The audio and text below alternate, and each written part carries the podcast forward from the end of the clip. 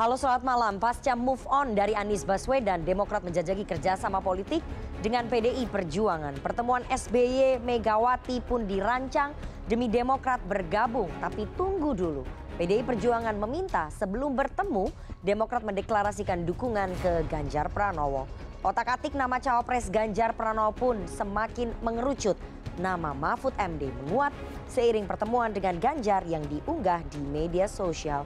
Sementara Ridwan Kamil mencuat di bursa cawapres setelah pertemuannya dengan Megawati Soekarno Putri. Apakah kejelasan koalisi dan nama cawapres akan lekas terjadi atau malah diputuskan pada akhir pendaftaran nanti? Otak-atik koalisi Ganjar setelah Demokrat move on bersama saya Rifana Pratiwi akan membahasnya selama satu setengah jam ke depan dalam Political Show. Kenapa? AHY semakin manis tanpa Pak Anies katanya begitu dong. Itu Sebulan jelang pendaftaran Pilpres 2024, konstelasi koalisi semakin dinamis seiring dengan move on-nya Partai Demokrat dari koalisi perubahan. sudah move on kan semuanya kan? Kok banyak yang lega sepertinya marah ini. Berarti kemarin kayaknya beban banget ya. Lega dan tentunya kita sekali lagi bersyukur ya, bersyukur Allah menyelamatkan kita. Allah melindungi kita, Allah menunjukkan ke tempat yang lebih baik. Terkait move on ke mana, Ketua Badan Pembina Organisasi Keanggotaan dan Kaderisasi DPP Partai Demokrat Herman Hairon mengaku Demokrat masih menjalin komunikasi baik kepada kubu Prabowo maupun Ganjar. Menurutnya, komunikasi menjadi syarat terwujudnya koalisi. Menguat sinyal Demokrat sedang menjajaki kerjasama dengan PDI Perjuangan seiring wacana pertemuan antara Ketua Umum PDI Perjuangan Megawati Soekarno Putri dengan Ketua Majelis Tinggi Partai Demokrat Susilo Bambang Yudhoyono. Pertemuan dua tokoh ini pun diproyeksikan sebagai penjajakan koalisi di Pilpres 2024. Sekjen PDI Perjuangan Hasto Kristianto mengatakan, pertemuan kedua petinggi partai itu sangat mungkin terjadi. Namun Hasto menyebut, pertemuan Mega dan SBY tidak mungkin terjadi secara tiba-tiba. Pertemuan itu baru akan terjadi apabila Demokrat secara resmi telah memberikan dukungan terhadap Ganjar Pranowo sebagai bakal calon presiden. Hasto mengungkapkan, PDI Perjuangan akan menggelar rapat konsolidasi bersama partai koalisi pendukung Ganjar pada 13 September 2023. Salah satu pokok pembahasan dalam rapat tersebut yakni wacana bergabungnya Partai Demokrat ke koalisi. Sementara itu, dalam penjajakan koalisi, Herman mengatakan pihak Demokrat akan bersikap rasional untuk tidak memaksakan nama bakal calon wakil presiden dari Partai Demokrat. rasional. rasional. Ya kalau diajak jadi cowok siap, tapi kalau tidak, kami rasional untuk bisa. Kita masih ikut. Terkait bursa bacawa pres koalisi Ganjar, belakangan sempat mencuat wacana Waketum Partai Golkar Ridwan Kamil sebagai salah satu kandidat bacawa pres. Hal tersebut mencuat setelah Kang Emil sempat bertemu Megawati. Apalagi Kang Emil sempat menyebut pekan depan akan ada breaking news tanpa menjelaskan secara detail terkait apa. Hasto menampik pertemuan Megawati dan Kang Emil itu spesifik membahas soal cawapres. Hasto mengungkapkan, pertemuan tersebut membahas perkembangan pembangunan Monumen Plaza Soekarno di Kota Bandung, Jawa Barat. Namun Hasto tidak menampik bila mantan gubernur Jawa Barat itu masuk dalam bursa cawapres Ganjar. Menanggapi kadernya masuk bursa cawapres Ganjar, Ketua Umum Partai Golkar Erlangga Hartarto mengatakan berita mengejutkan pekan depan bukan soal pengumuman Ridwan Kamil menjadi calon wakil presiden pendamping Ganjar Pranowo. Erlangga menjelaskan sejauh ini belum ada pembahasan mengenai Ridwan Kamil menjadi cawapres Ganjar. Mau ada breaking, breaking news pekan depan itu gimana Pak? Maksudnya Pak? itu tidak berkaitan dengan breaking news ya. Tidak berkaitan. Jadi break- breaking news apa Pak? tanya aja sama yang bersangkutan. Pak, kalau misalnya jadi uh, cawapresnya Pak Ganjar gimana tuh Pak? Pak, Belum dibahas. belum dibahas. Ya nanti akan ada pembicaraan, tetapi saat sekarang uh, Golkar konsentrasi pada koalisi Indonesia Maju. Erlangga mengatakan Golkar masih berfokus di koalisi Indonesia Maju bersama Gerindra, PAN, dan PBB. Erlangga pun belum dapat memastikan apakah Golkar akan mengusung Ridwan Kamil atau tidak di Pilpres 2024. Tim Liputan CNN Indonesia.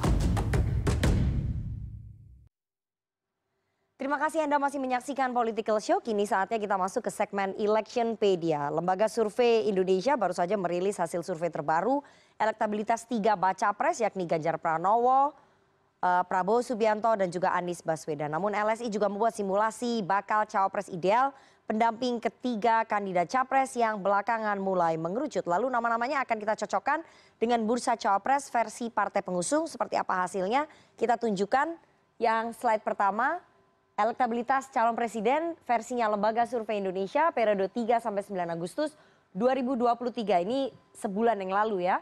Nomor satu ada Ganjar Pranowo 37 persen, kemudian Prabowo Subianto di 35,3 persen, bedanya uh, sekitar 2 persen antara Ganjar dan juga Prabowo. Kemudian di posisi tiga ada Anies Baswedan di 22,2 persen.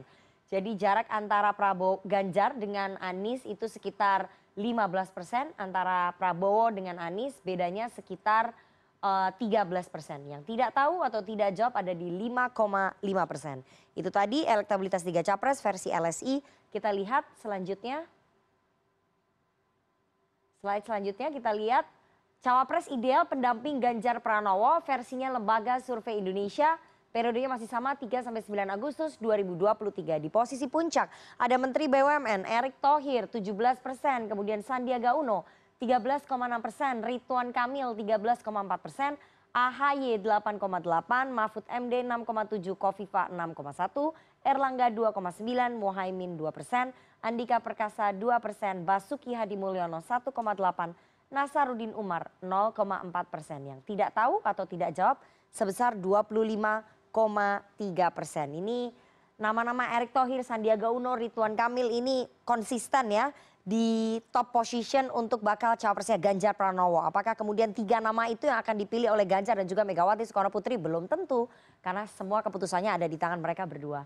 Kita lihat slide selanjutnya. Elektabilitas calon presiden versinya Saiful Muzani Research and Consulting ini periode 31 Juli sampai 11 Agustus 2023. Sebagai perbandingan kalau tadi LSI kami tampilkan surveinya SMRC.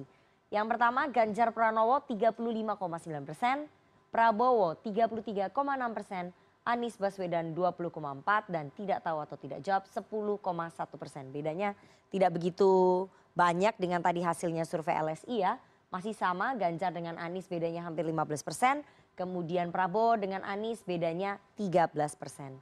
Kita lihat slide selanjutnya kalau tadi ada uh, nama-nama bakal cawapres yang berada di uh, hasil survei ini adalah bursa kandidat cawapresnya Ganjar versinya PDI Perjuangan yang sering disebut oleh petinggi dari PDI Perjuangan. Ternyata ada nama Ridwan Kamil, mantan Gubernur Jawa Barat, Mahfud MD, Menko Polukam, Kofifa Indar Parawansa, Gubernur Jawa Timur ada Sandiaga Uno Menparekraf, Imam Besar Istiqlal Nasarudin Umar, mantan Panglima TNI Andika Perkasa dan Ketua Umum Partai Demokrat Agus Harimurti Yudhoyono. Belakangan dua nama ini Ridwan Kamil dan juga Mahfud MD sangat santer sudah menjadi dua kandidat terkuat untuk uh, bakal cawapresnya Ganjar Pranowo. Apakah kemudian itu betul-betul terjadi atau justru bisa ada nama baru yang muncul? Kita akan tanya nanti dengan narasumber saya yang hadir di sini dan juga uh, merapatnya Partai Demokrat ke koalisinya Ganjar Pranowo dengan syarat harus mendeklarasikan dukungan dulu baru bisa ada pertemuan antara Megawati dengan SBY.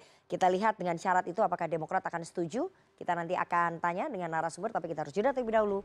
Jangan ke mana-mana tetap bersama kami di Political Show.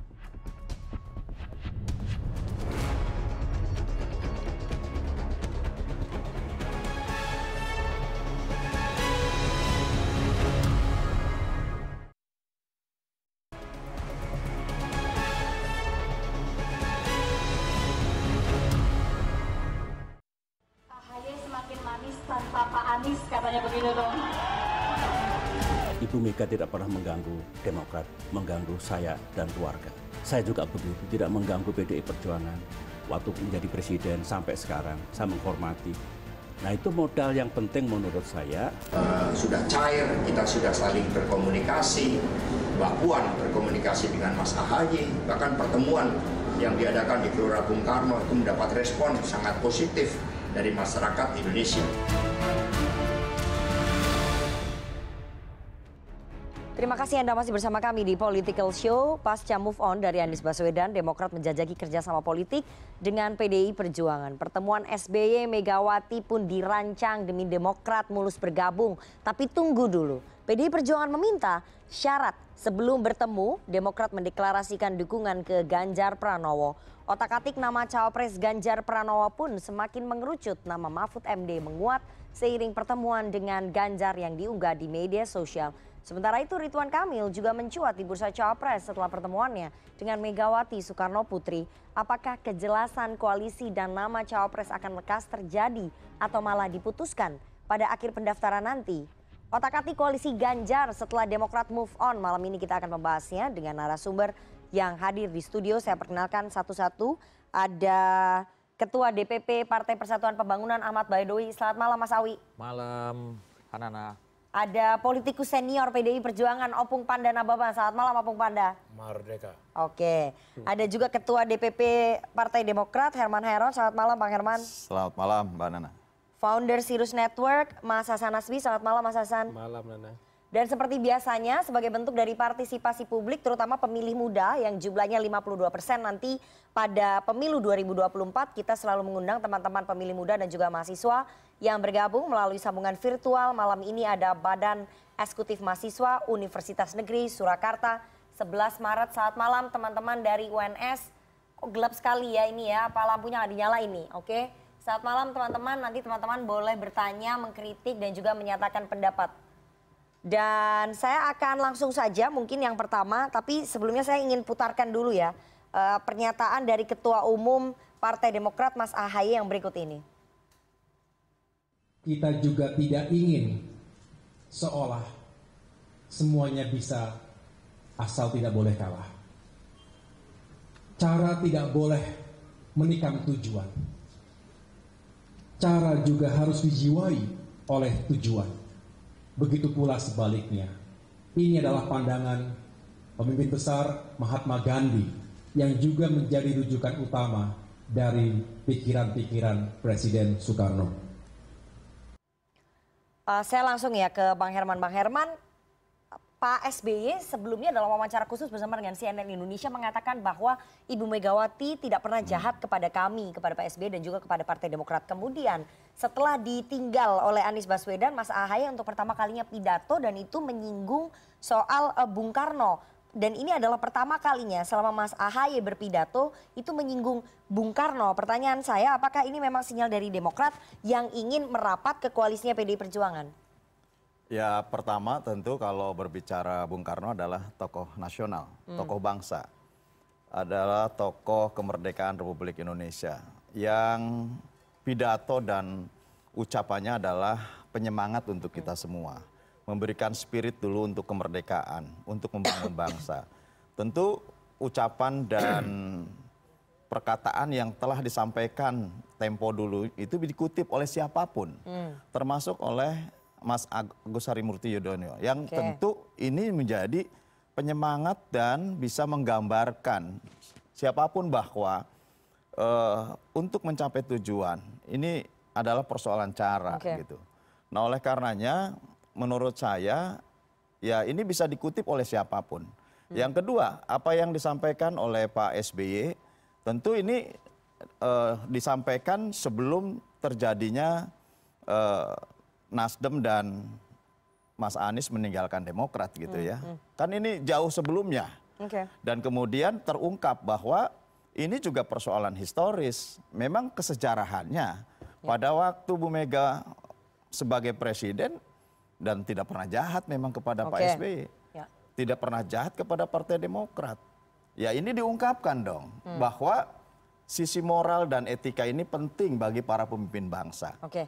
Sehingga juga ini bisa melandasi terhadap tujuan-tujuan berbangsa dan bernegara. Hmm. Seorang pimpinan harus, seorang pemimpin atau pimpinan harus menjaga persoalan moral Baik, dan baik. etika. Oke. Ini sebetulnya ada makna yang begitu kuat Hmm. dari Pak SBY sehingga ya marilah ini adalah eh, historis yang baik diungkap untuk bisa juga menjiwai seluruh para pemimpin bangsa ini. Baik, jadi pernyataan dari ayah dan anak ini antara Ketua Majelis Tinggi Partai Demokrat dan juga Ketua Umum Partai Demokrat Pak SBY dan juga Mas Ahaye ini bukan kode ingin merapat ataupun memperbaiki hubungan dengan PD Perjuangan. Kalau ingin memperbaiki hubungan kan sudah dilakukan juga jauh hari Hmm. sebelumnya. Jadi ini bukan kode, biasa saja. Ya itu kan multitafsir Hmm. gitu ya. Tafsirannya Demokrat seperti apa? Tafsirnya Demokrat ya memang sejak awal kami ingin memper- memperbaiki hubungan Berarti itu bagian dari memperbaiki hubungan dengan mengirim kode-kode itu. Dan saya kira ini sudah berjalan dengan baik Hmm. ya pertemuan sebelumnya dua tahun yang lalu antara eh, Mas Ahaye dengan Mbak Puan juga Oke. eh, memberikan sebuah spirit bersama untuk bisa melakukan rekonsiliasi. Kemudian pertemuan di Senayan, Hmm. ya pertemuan itulah juga kemudian memberikan eh, efek positif di publik. Oke. Dan kemudian pernyataan-pernyataan yang saya juga pernah dengan Bang Panda bahwa kalau memang sudah ada komitmen di antara para pemimpin bangsa ini, para tokoh bangsa ini Hmm. untuk bersatu, mari kita sebagai bagian dari Oke. lingkarannya juga untuk mempersatukan, Ya. bukan kemudian memanasi-manasi kembali yang pada akhirnya keinginan untuk bisa melakukan rekonsiliasi nggak pernah Baik, tercapai. berarti em, memberikan pernyataan eh, seperti itu yang dilakukan oleh Pak SBY dan juga Mas Ahaye bagian dari ingin memperbaiki hubungan dengan Bu Mega dan PDI Perjuangan begitu ya? Betul dong, karena Dan merapat untuk ini mendukung kan Mas sudah Ganjar. menjadi rahasia umum gitu Oke. ya. Kalau persoalan koalisi, kami juga menjalin hubungan dengan Pak Prabowo. Hmm. Komunikasi itu kan terus dijalin dengan siapa pun. Oke. Bahkan kalaupun eh, P3 menginginkan eh, membangun poros baru, komunikasi ya kita juga terbuka untuk komunikasi. Oke. Nah semuanya akan ditentukan oleh Mas siapa? Hasan ketawa ini. Maksudnya akan apa ditentukan mau oleh tanya. Majelis Tinggi Partai Demokrat. Jadi kemungkinan-kemungkinan tentu harus kita jajaki. Hmm. Apalagi Demokrat yang saat ini tentu eh, kita juga bukan hanya untuk memilih, Hmm, tetapi juga kita menunggu koalisi mana yang tentu membuka pintu, membuka ruang Oke. supaya Demokrat juga dapat bergabung. Nggak bisa kita menentukan ah, saya dengan ini, nggak bisa juga. Kalau misalkan mau Pak Ganjar, Pak Ganjarnya nggak mau gimana? Oke. kita kan melihat dulu kemungkinan-kemungkinan mana yang membuka ruang, mana yang membuka dialog, mana yang tentu Baik. sangat welcome untuk kita bisa berkoalisi, mencair. Ya ini dijajaki semuanya. Nah, Kalau terlalu lama menunggu gak takut ditinggal seperti 2019 waktu itu ditinggal juga. saya kira ada timeline-nya ya dan Jadi ada Demokrat nggak mau timingnya. ketinggalan lagi ada untuk kedua timeline dan kalinya. Hmm. ada timing yang tentu nanti pada saatnya Oke. ketua majelis tinggi akan memimpin rapat majelis tinggi untuk menetapkan siapa sebetulnya ya. koalisi yang tepat Oke. untuk bersama-sama membangun bangsa ke depan. Eh, Bang Herman, kami dengar sudah ada komunikasi intensif antara PDI Perjuangan dengan Demokrat. Yang ingin saya tanya, apa sebetulnya yang ditawarkan PDIP ke Demokrat? Komposisi eh, menteri, portofolio menteri, termasuk posisi Saya kira yang belum, ditawarkan? belum sampai ke sana lah. Hmm. Kita kalau mau bertanya portofolio yang sudah lama, tanya aja Mas Awi dulu di situ. Oke. Kan sudah lama di sana. Hmm. Nah sehingga kita juga tidak ingin kemudian terlalu jauh maju ke depan Hmm. dan sudah disampaikan oleh Ketua Umum bahwa bagi Partai Demokrat sangat rasional. Hmm. Kami eh, berbeda posisinya seperti halnya ketika menggagas koalisi perubahan. Kami Oke. dari setahun yang lalu sudah menggagas, merintis, bahkan Ya, bersama-sama untuk bisa eh, melampaui presidensial threshold. Hmm, hmm. Kemudian pada akhirnya seperti ini ya tentu kita juga sangat rasional. Oke. Kalau misalkan memang koalisi menawarkan untuk eh, calon wakil presiden ya Mas Agus Harimurti sangat siap gitu Oke, ya. baik. Tapi kalaupun Enggak, bahwa enggak apa-apa. enggak, ya sangat rasional Baik, untuk menerima konsekuensi itu. Saya mau tanya ke PDI Perjuangan sebentar Opung, tapi saya ingin putarkan dulu eh, pernyataan dari Sekjen PDI Perjuangan Mas Hasto Kristianto berikut ini. Kerjasama politik dengan Demokrat melalui beberapa tahap. Ya, tahap komunikasi politik sudah dilakukan, bahkan eh, sudah cair, kita sudah saling berkomunikasi. Mbak Puan berkomunikasi dengan Mas Ahaye, bahkan pertemuan yang diadakan di Gelora Bung Karno itu mendapat respon sangat positif dari masyarakat Indonesia. Kami dalam level kesekjenan juga komunikasi. Kemudian yang ketiga eh, komunikasi di eh, fraksi eh, DPR RI. Opung, eh, Pak SBY mengatakan Bu Mega nggak pernah jahat dengan Demokrat dan juga dengan beliau. Kemudian tadi Sekjen PDIP Mas Hasto juga bilang bahwa komunikasinya sudah cair antara Demokrat dengan PDI Perjuangan. Opung sebagai saksi sejarah nih saya ingin tanya, apakah kemudian Opung eh, melihat kebekuan hubungan selama 20 tahun ini antara Pak SBY dengan Bu Mega, antara PDI Perjuangan dan dengan, dengan Demokrat benar-benar sudah cair atau memang masih ada ganjalan? Jadi begini ya, saya menjadi tertarik melihat referensi apa yang terjadi Hmm. 18 tahun yang lalu antara SBY dengan Ibu Mega. Oke. Setelah apa yang terjadi antara Surya Paloh dengan SBY. Hmm, hmm. Kalaulah diselesaikan waktu itu sakit hatinya Surya Paloh, 2004 ya? ya yang dilakukan oleh SBY, yang mana SBY meminta Jaksa Agung supaya memeriksa Surya Paloh, kasus BLBI, dan itu tidak diselesaikan mereka berdua empat mata hati ke hati, maka apa yang terjadi dengan peristiwanya Muhaimin itu menjadi kerawanan hubungan mereka. Hmm. Jadi kita tidak ada bikin persyaratan. Idealnya, layaknya, pantasnya SBY mendekati Mega, selesaikan dong. Ada lima kebohongan yang tidak pernah dijawab dia. Oke. Waktu itu Me- Ibu Mega mengutus saya mendatangi SBY di istana. Hmm. Saya sampaikan lima pertanyaan Ibu Mega. Satu pun dia tidak jawab. Hmm. Nah waktu saya kembali ke Mega, hasil pertemuan saya dengan Mega mengatakan, itulah panda kalau pembohong. Oke.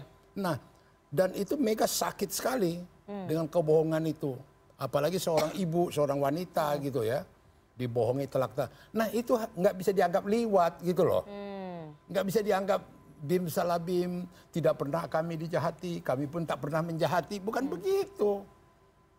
Bereskan itu. Oke, tapi 20 tahun ini berarti sakit hatinya masih ada. Loh, bukan soal bukan soal sakit hati, ada hal-hal yang berutang. Oke. gitu loh secara moral dan secara apa manusiawi wajar Hmm. diberesin dulu itu gitu loh gini ya saya kasih contoh ini sejarah waktu Syahrir Agus Salim Hmm. di Prapat ditahan sama Soekarno waktu itu Soekarno mandi Oke. Syahrir baca buku Hmm.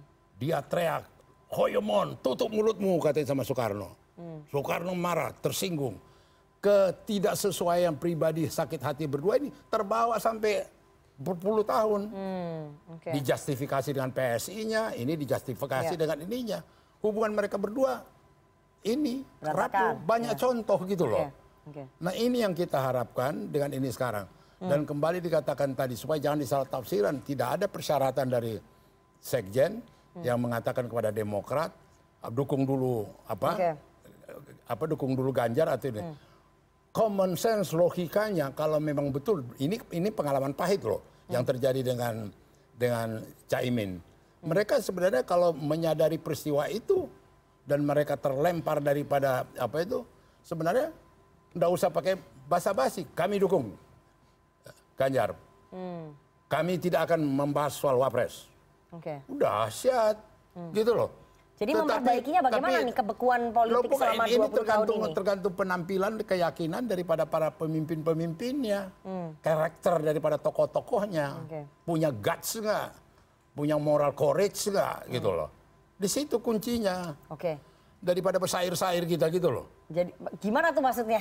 Iya Opung? bersair-sair, analisa, ya tergantung. Nanti kelihatan ini kita bikin koalisi lagi, ini mungkin empat, Oke. ini apa, ini hari sudah ada Jadi ditunggu keberanian dari Demokrat gitu.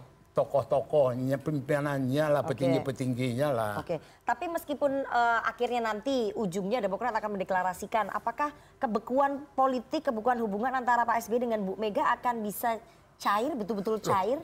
Jujur, kita pun senang kalau bergabung dengan kita, Hmm. Demokrat. Oke. Iya dong, teman-teman kita banyak di Demokrat kok. Iya, iya. Bagus sekali bergabung Hmm. sama kita. Hmm. Tapi pengalaman pahit mereka satu tahun lebih, Hmm. ya itu begitu indahnya dilihat rakyat ke sana kemari, Hmm. mau apa ini, waduh ternyata rakyat ketipu.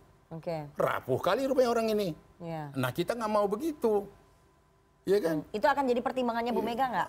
Apanya? Ya pastilah. Oke. Ini P3 kebetulan udah punya pengalaman sama P3. Ya, Hmm. kan? Cocok. Hamzahas. gitu. Ya. Oke. Tapi selama ini kan narasinya berbeda ya Opung ya antara Demokrat dengan PDI Perjuangan selama 10 tahun ini. Sulit nggak menyatukan kedua partai ini yang selama ini selalu berseberangan? Enggak juga lah. Hmm. Enggak ada yang apa itu antagonis gitu loh. Oke. Ini kan soal kepentingan-kepentingan aja. Hmm. Iya dong. Jangan pikir ini sudah begitu ideal, begitu hebat, begitu apa. Ini enggak lah. Oke. Gampang lah bergabung ke sana. Oke, jadi sebenarnya bisa aja ya. Dan, dan yang udah meneliti itu, Pak Hasan udah meneliti itu. Oke, Pak Hasan meneliti apa nih? Ya itu tadi yang kamu tanya itu. Oke, nanti saya akan tanya ke Mas Hasan, tapi saya mau ke Bang Herman dulu. Bang Herman, Iya. jadi dibutuhkan guts, keberanian, gak usah ke sana, kemari, langsung aja kalau menurut Opung Panda. Kalau emang mau memperbaiki hubungan ya dukung, dukung aja.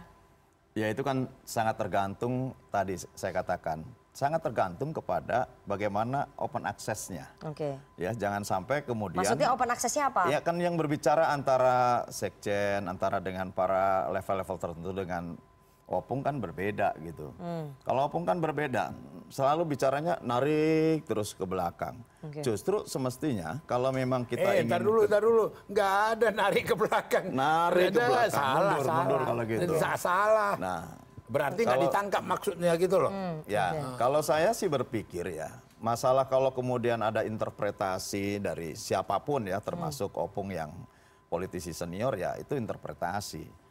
Nah, kita juga punya asumsi, punya interpretasi lain gitu. Oleh karenanya ya, kalau kemudian selalu berbicara ke belakang, flashback gitu ya, ya tidak akan ketemu ke depan gitu. Nah, oleh karenanya saya paham apa yang dikatakan bahwa memang dalam mencairkan suasana ya harus kemudian ya ada inisiatif lah begitu untuk kita maju. Kami yakin itu Oke. yang dimaksud gitu. Tetapi kan sejauh mana open access ini yang kemudian bisa dijadikan sebagai pijakan bagaimana untuk bisa sampai kepada eh, pertemuan yang memang diharapkan. Oke, jadi Maka itu- maksudnya open access-nya itu ketemu dulu Pak SBY dengan maka Bu itu Mega. kan ya kalau kita baca di beberapa media kan dukung dulu Ganjar Oke, baru saya saya puterin deh nih. Saya Coba. perlihatkan nih pernyataan dari Sekjen PDI Perjuangan Mas Hasto. Kristianto. Jadi Opung pada bisa lihat juga Mas Hasto sudah memberikan syarat itu. Kita baca bersama ya. Pernyataan resmi dari Sekjen PDI Perjuangan di sebelah sini nih. Eh, silakan Opung sebelah kanan. Ah, ini yang terjadi terhadap P3, Perindo dan Hanura. Jadi kami minta berikan dukungan terlebih dahulu baru pertemuan secara formal. Sehingga kerjasama ini akan kokoh karena didasari oleh kepentingan masa depan bangsa dan negara. Ini dalam konteks pertanyaannya eh, Demokrat minta pertemuan Pak SBY dengan Bu Mega. Dijawab oleh Mas Hasto bahwa berikan dulu dukungan baru pertemuan akan terjadi secara formal. Nah ini bagaimana Demokrat Ini, ini memaknai... kan ini kan sekjen nggak sembarang ngomong. Oke. Dia punya referensi apa yang terjadi di ko- koalisi perubahan. Hmm. Yang begitu kokoh, begitu hebat, kok- kesambet sama Caimin kok bisa rapuh. Oke. Gitu loh. Dia sebagai sekjen partai kami ya dia ingatkan dong warning. Hmm, jadi Gitu ini loh. warning buat siapa pun Iya. yang mau bergabung Dan kemudian ke dan Ganjar. kemudian saya tidak setuju omongannya tadi ngelihat ke belakang. Hmm. Orang yang bijak dan sekarang belajar dari peristiwa itu. Hmm. Bukan mau lihat ke belakang, lihat ke belakang. Enggak. Ada peristiwa pahit yang perlu di, itu diperbaiki. Itu Oke. aja. Jadi ini merupakan warning dari PDI Perjuangan. Iya. Kalau mau eh, kalau ada partai yang mau bergabung supaya tidak terjadi lagi. Lah wajar dong PD Perjuangan sekarang punya perasaan. Nanti bergabung kemudian tiba-tiba nasibnya sama dengan koalisi perubahan. Ya, Ya, kita nggak mau saya, dong. Saya, saya katakan paham gitu ya. Kita paham. nggak mau dong terjadi Tapi kalau yang warning kemudian, dari ya, PDI Perjuangan. Ya, saya kira memang sepakat bahwa untuk membangun kebersamaan itu kan pertama ya harus mencair. Hmm. Nggak bisa seperti minyak dan air gitu ya. Hmm. Dan juga tidak bisa seperti telur dan ayam. Oke. Ini juga harus dipahami. Maka itu saya katakan bahwa kalau Bang Panda juga punya eh, interpretasi, ya kami juga punya interpretasi lain. Hmm. Nah oleh karenanya untuk menyamakan ini ya ruangannya di mana gitu. Duduknya di mana ini. Titik temunya di mana. Kan begitu dulu gitu. Oke. Dan berbicara persoalan koalisi ya bagi Demokrat tentu ada pilihan. Apakah koalisinya dengan Pak Ganjar ataukah dengan Pak Prabowo. Kan begitu. Oke, ya. Nah, kalau kemudian memang ini sekaligus memperbaiki dan melakukan rekonsiliasi atas persoalan lama gitu. Ya ayo open access-nya di mana gitu. Oke, jadi Demokrat nggak mau tadi ya? dikatakan tidak ada syarat, ya itu syaratnya. Ya, iya makanya Gitu. Demokrat bagaimana merespon syarat tadi deklarasi Mas Ganjar dulu baru eh, bisa ada pertemuan formal antara Pak SBY dengan Bu Mega. Demokrat terima nggak Ya dengan kita syarat akan itu? dudukan dulu karena gini, sekali lagi ada mekanisme dan eh, pengambilan keputusan, ada Hmm. mekanisme dan tata cara pengambilan keputusan. Nah ini kan sudah melempar, melempar eh, Syarat. syarat. Hmm. Ya nanti di Demokrat dibicarakan seperti apa. Hmm. Kemudian bagaimana dengan koalisinya Pak Prabowo misalkan? Hmm. Ya pertimbangkan. Kan masing-masing partai kan punya kedaulatan masing-masing Ya. gitu ya. Nah oleh karenanya kan juga Tapi kita, Demokrat keberatan nggak dengan syaratnya PDI Perjuangan tadi sebagai kita, warning? kita tidak berbicara masalah keberatan atau tidak keberatan. Kan Hmm. tidak ada yang dipikul juga di situ. Oke. Gitu ya. Cuman persoalannya adalah kalau memang kita ada sesuatu yang ingin dituju ke depan, mari kita yang yang di belakangnya Oke. kita kesampingkan dulu. Ya. Kita tuju dulu ke depan gitu. Oke. Dan nggak bisa ngomong, oh ini ada kebohongan. Oh, ini. saya kira tidak bisa bicara itu karena memiliki zonanya masing-masing, Oke. memiliki pandangan dan pendapatnya masing-masing. Loh, boleh jadi Pak SBY pada waktu itu tidak menjawab Pak Panda, oh, ini mungkin eh, ruangannya tidak tepat di sini, mungkin Baik, itu. baik. Kan bisa saja interpretasi namanya Ya juga. itu itu nggak nggak betul itu alasanmu. Dia berjanji akan menjawab sampai detik ini nggak dia jawab. Dia berjanji loh. Hmm. Nanti saya akan jelasi Ibu Mega. Sampai detik ini enggak. Masih ditunggu penjelasannya Ya, nggak oleh juga lah. Oke, udah lewat juga kan Bang. Udah 20 tahun yang lalu. Tapi saya mau tanya Bang, syarat yang tadi diajukan... Mungkinkah? Hmm. Nah, Dia Oke. dia pun ragu. Oke. itu tadi syarat yang diajukan oleh Sekjen PDI Perjuangan Mas Hasto apakah sebe- sebagai bentuk tes loyalitas dari Bu Mega kepada Pak SBY dan kepada Demokrat? Tidak ada tes loyalitas. Hmm. Ini bagaimanapun apa yang terjadi di, koa- di koalisi perubahan, Hmm. apa yang terjadi, bayangkan di koalisi Indonesia Maju tiba-tiba lari satu dari situ. Oke, jadi ini lebih ke warning ya. punya implikasi itu Iya, semua. Oke. Itu kan satu hal yang yang baru bagaimana rakyat ini tertipu gitu loh. Hmm, Jadi PDI Perjuangan tidak mau ikut Tidak tertipu. mau gitu loh. Oke, ini kan korban penipuan kalau menurut eh, Demokrat. Ya itu, ya mereka lah itu. Oke, jadi maksudnya PDI Perjuangan nggak mau ikut tertipu gitu ya? Gitu ya Opung ya? Bener ya Opung? Iya dong. Nggak mau ikut tertipu, makanya memberikan syarat itu, memberikan warning itu. Tidak ada pakai warning-warning. Penafsiran itu. Oke, saya mau ke P3 penafsiran dulu. maksudnya. Saya mau ke P3. Eh, Mas Awi, bagaimana kemudian P3 sebagai anggota koalisinya Mas Ganjar merespon itu tadi eh, kode-kodenya Demokrat, terus kemudian syarat yang diajukan oleh eh, PDI Perjuangan terhadap pertemuan Pak SBY dengan Bu Mega? Ya, se- sepenuhnya itu menjadi hak Demokrat ya mau bergabung dengan kerjasama politiknya PDI ataupun mau bergabung dengan Pak Prabowo ataupun balik lagi ke Pak Anies itu silahkan itu haknya Partai Demokrat. Nah, adapun yang disampaikan oleh Mas Hasto memang alamiah di kerjasama politik ini kita memang mendeklarasikan baru ada pertemuan secara formal. Oke, jadi Nah, P3 deklarasi dulu Mas Ganjar. ya, P3. Hanura, sama begitu. Perindo juga. Perindo. Jadi semua partai yang masuk ke dalam koalisinya Mas Iya, Ganjar harus deklarasi dulu. Itu dilakukan setelah PDI mendeklarasikan terlebih dahulu Pak Ganjar, Betul, bukan mendahului PDI. Iya. Tetapi sebelum formal itu, apa yang disampaikan oleh Kang Hero itu open access-nya di mana? Nah, Hmm. open access itu pertemuan informal yang tidak Hmm. terbe- terlihat oleh publik. Kan tidak bisa juga tiba-tiba P3 meng- mendeklarasikan Pak Ganjar tanpa didahului komunikasi informal terlebih dahulu itu sesuatu Ya. yang tidak mungkin. Nah, komunikasi informal itu kita lakukan, baru kemudian ada kecocokan, oke kita deklarasi, baru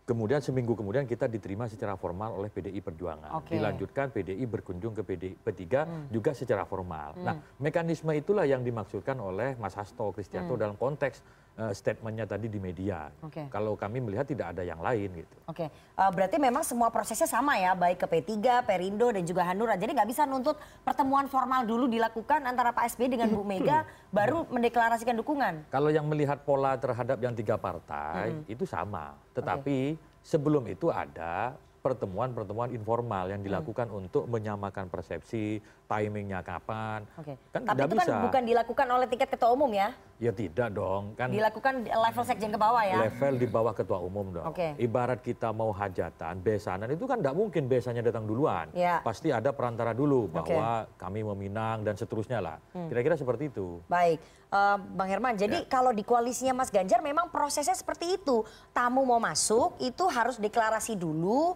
tapi sebelumnya ada panitia ataupun ada level sekjen ke bawah yang komunikasi secara informal. Jadi nggak bisa langsung level ketua umum ketemu dengan ketua umum tuh nggak bisa. Ini gimana Ya Demokrat? sekarang kan koalisinya Pak Ganjar kan tuan rumahnya banyak. Ada Hmm. P3, ada Tapi tuan rumah Perindo. utamanya kan PDI Perjuangan Ya, yang punya betul. kader namanya Ganjar leadernya- Pranowo. Leadernya adalah PDI Perjuangan. Hmm. Cuman kan sekarang mejanya di mana nih gitu loh. Oke. Kemudian sekarang ada syarat baru bahwa mendeklarasikan dulu. Hmm. Ya ini kan harus dibicarakan dulu Ya. sejauh mana ini pendeklarasian ini gitu. Loh. Terus kemudian juga tadi saya katakan yang paling penting adalah bagaimana untuk eh, membuat solid itu, bagaimana juga senyawanya harus bisa bisa sama gitu. Oke. Nah kalau senyawanya tidak sama ya bagaimana bisa mencair? Ya. Oleh karenanya sebetulnya kalau mau ditarik, tadi saya katakan jangan seperti telur dan ayam. Hmm. Ya kalau memang konsepsinya adalah kita ingin memulai Oke. dari rekonsiliasi ya, ya pertemuan Pak SBY dan Bu Mega ini teramat penting gitu. Oke, oke. Gitu. Kalau untuk sampai kepada tujuan yang lebih mencair. Oke, jadi konsepnya eh, rekonsiliasi pertemuan antara Pak SBY dengan juga Bu Mega itu sebetulnya yang diharapkan oleh Demokrat, Bang eh, Opung Panda. Saya pikir kita dengar dulu lah Pak Hasan. Iya. Lebih netral dia. Enggak, makanya aku mau nanya dulu tadi eh, tanggapannya dari Pak Herman. Mengenai? Ya itu tadi, kalau misalnya rekonsiliasi nasional bisa terjadi antara Pak SBY dan juga Bu Mega. Mhm. Iya, Ya itu doa kita. oke. Iya. Jadi itu yang diharapkan oleh Demokrat di awal, Iya. rekonsiliasi ya, kita nasional juga, dulu. Kita juga mengharapkan itu. Oke, jadi nggak masalah PDI Perjuangan, tapi kan Sekjen tadi bilang. Ini kan ketulusan aja. Hmm. Ketulusan itu tercermin kami mendukung Ganjar. Oke. Dan jangan curiga, kami tidak berkeinginan jadi wapres.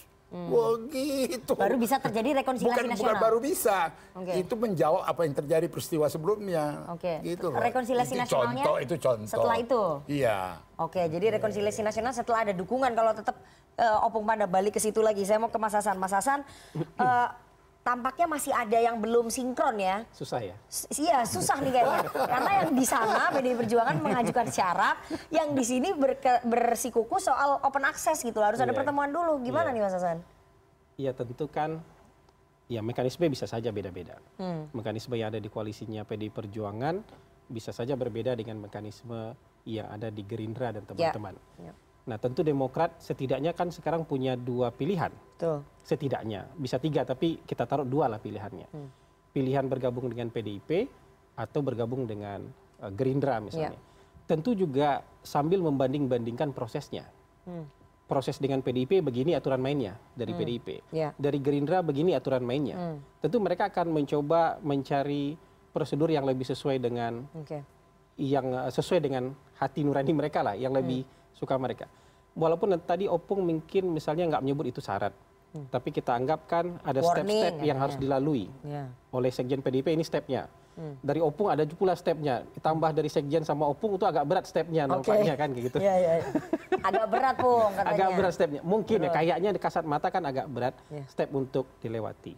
Nah kemudian kita baru mau, bicara step nih, mana yang lebih nyaman stepnya kan? Iya. Bisa langsung ketemu Pak SBY dengan Prabowo kah? Iya. Atau bisa langsung ketemu Pak SBY, eh, Pak SBY dengan Bu Mega. Ibu Mega kah? Iya. Mana yang lebih mudah step-stepnya kayak gitu? Kalau Pak SBY kan udah ketemu Pak Prabowo di Pacitan. Iya, misalnya kan seperti Iya. itu. Nah, belum lagi bicara hal-hal yang lebih konkret, misalnya power sharing. Hmm. Ya kan? Bicara step aja udah susah, bagaimana bicara Power power, sharing. sharing. Nah, kalau di sini kan masih mikirin stepnya nih.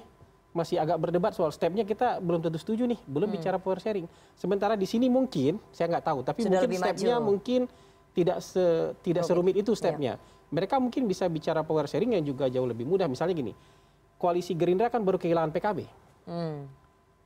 Apa power sharing yang buat PKB bisa langsung dioper ke Demokrat? Oke. Jadi bisa jauh lebih konkret cara bicaranya gitu. Hmm, Bicara bicara power sharingnya bisa. eh, jadi menurut saya kalau eh, memang PDIP harus dipahami dia nggak but sebenarnya Hmm. nggak butuh cari teman, Oke. ya. Bukan dalam artian sombong, tapi memang secara hitung-hitungan untuk maju dia nggak butuh cari teman. Jadi kalau dia bisa bicara kalau kalian mau gabung gabung aja. Oke, tapi ikuti cara kami. Itu ikut cara kami. Tapi kalau yang lain kan nggak begitu. Yang lain Iya. butuh teman gitu loh. Iya. Makanya mungkin juga caranya berbeda. Ya saya nggak tahu Demokrat lebih nyaman yang mana. Siapa tahu lebih menyukai tantangan. Iya. Tantangannya lebih terjal. Tantangan yang lebih Oke. terjal. Jadi yang lebih membutuhkan di sini adalah Demokrat ya ketimbang PDI Perjuangan kalau Mas Hasan lihat. kalau dalam eh, kerangka pengusungan capres, tentu PDIP tidak terlalu butuh ada bantuan lagi. Kalau cuma memperbesar koalisi, ya itu kan sekadar memperbesar koalisi. Tapi untuk untuk tiket dan untuk masal kan nggak terlalu butuh lagi. Sementara kalau Demokrat kan mungkin apa ya kita nggak bicara aktualisasi ya kan harus mengusung. Hmm. Nah mengusungnya di di mana tempat yang paling memungkinkan untuk mereka, Ya. mana jalannya yang lebih mudah buat mereka dan mana yang power sharingnya lebih Hmm. lebih konkret buat mereka kan gitu. Jadi Oke. buat saya kalau hitung-hitungan saya mungkin lebih mudah jalannya menuju Ke Pak Prabowo, Gerindra. Iya daripada karena stepnya step dari Mas Hasto sama plus step dari Opung itu agak berat untuk dilewati. gitu. Hmm. Tapi- step dari Opung lima, Oke. dari Mas Hasto satu. Tapi bahwa mereka Demokrat punya trauma di 2019 ditinggal oleh Pak Prabowo itu menjadi handicap juga nggak Mas Hasan? Ya kan dengan semuanya mereka pernah punya sejarah kompetisi. Oke.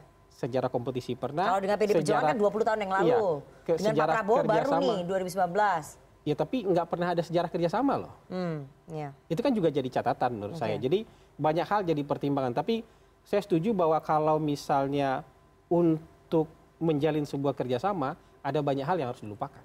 Oke. Ada banyak hal yang harus kemudian terima sebagai masa lalu sudah. Hmm. Masa lalu yang mungkin bisa kita ceritakan tapi nggak kita ungkit-ungkit lagi gitu. Hmm. Dan kalau mau melihat ke depan ya, ya kita ngelihat ide-ide bersamanya cocok, cocok apa enggak. Oke. Jadi menurut saya eh, harusnya Hmm. jalan menuju Gerindra lebih mudah.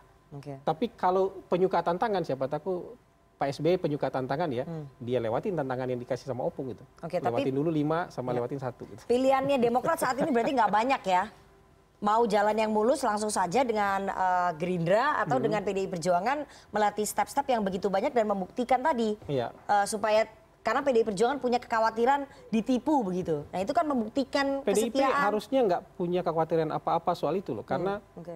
Mau minggat pun semuanya mau Perindo minggat, P3 Mereka tetap minggat, bisa jalan. Hanura minggat, mereka nggak apa-apa itu menurut saya. Saya kira mungkin konteksnya bukan tipu menipu lah gitu Hmm. ya. Gitu. Konteksnya adalah realitas politik di Indonesia ya tadi hanya sampai di situ gitu. Hmm. Belum didasarkan kepada etika dan moral politik yang tentu sama-sama dijaga Ya. gitu. Dan kalaupun terjadi ya pada akhirnya ya yang tahu itu kan hanya dirinya dan Allah Subhanahu wa taala, Oke. Tuhan yang Maha Kuasa. Hmm. Karena pasti mindsetnya berbeda gitu Baik. dengan dengan tafsiran kita. Tafsirannya Opung beda dengan tafsiran saya. Baik. Beda dengan tafsirannya Hmm. Ustadz Awi gitu. Hmm. Hmm. Nah ini yang menurut saya tafsir-tafsir inilah yang harus dudukan nih di atas meja Hmm. supaya minyak dan air ini disenyawakan menjadi sesuatu yang bisa uh, solid. Gitu. Oke. Sorry, sorry boleh nggak nanya? Ya. Taruhlah tafsiran versi Opung nggak usah Hmm. di ini. Yang stepnya dari Mas Hasto aja itu bisa dilalui nggak kira-kira? Ya tadi kan Deklarasi dulu gitu. tadi saya dikatakan di awal bahwa sudah jelas bahwa komunikasi politik ini kan dijalin dengan semua pihak gitu. Bahkan politik itu kan serba mungkin, Iya. ya, serba mungkin politik itu. Berarti dia ngasih Dan- masih ada lawan lain nih. Dan Hmm. kalau dulu kita terkenal kalau kuliah itu SKS, sistem kebut semalam, Hmm. juga sebetulnya sama saja politik itu biasanya di akhir gitu.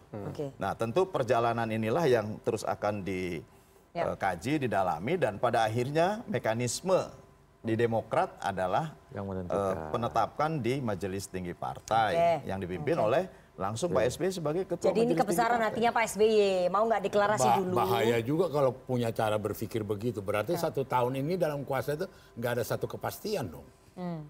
Bahwa sama-sama di, di koalisi perubahan Oke. dari minggu ke minggu, bulan ke bulan nggak punya kepastian dong. Kepastian akan apa nih? Di antara mereka. Oke. Nggak punya kepercayaan kali? Ya termasuk itulah. Oke. Nah, itu tafsir Iya, juga. Bukan ya wassalam lah. Ya. Itu ya, ya sedih juga dengar cerita ini. Kan udah move on katanya Opung. Udah lewat tujuh Enggak. hari. Kan Udah move persoalan on. utamanya, Opung, adalah membangun koalisi. Hmm. Terus kemudian ada perbedaan antara keinginan ini dengan keinginan ini berbeda. Hmm. Padahal bangunan ini sudah dibangun sedemikian cukup waktu dan kokoh gitu Hmm. ya. Nah semestinya ini yang dipertimbangkan. Bukan calon Tapi kan penghuni. Partai- Partai Nasdem tidak mempertimbangkan Tiba-tiba itu. penghuninya beda. Oke, Ya, baik. Bangunannya udah disiapkan. Ini udah move on nih, kita udah ganti Ya. nih, nggak bahas koalisi perubahan nih. Kita, Kita ke depan lah, kita Demokrat bicara. mau merapat ke PDI Maka itu kalau kita mau maju, mau eh, menentukan Lupakan sebuah pilihan, masa lalu. bukan melupakan, Wah. gitu. Kita boleh memaafkan, ya, tapi ya tidak Tidak melupakan lah. Oke. Tetapi ya memaafkan itu kan untuk bisa sama-sama kita maju ke depan. Sama-sama lihat ke Oke. depan, tapi kalau ada spion dilirik dikit. Maka itu segeralah bergabung dengan PDI Perjuangan. Oh itu harapannya Opung gitu. itu, pintunya udah dibuka untuk membuktikan tadi. Kita akan bahas soal cawapresnya Ganjar Pranowo ya.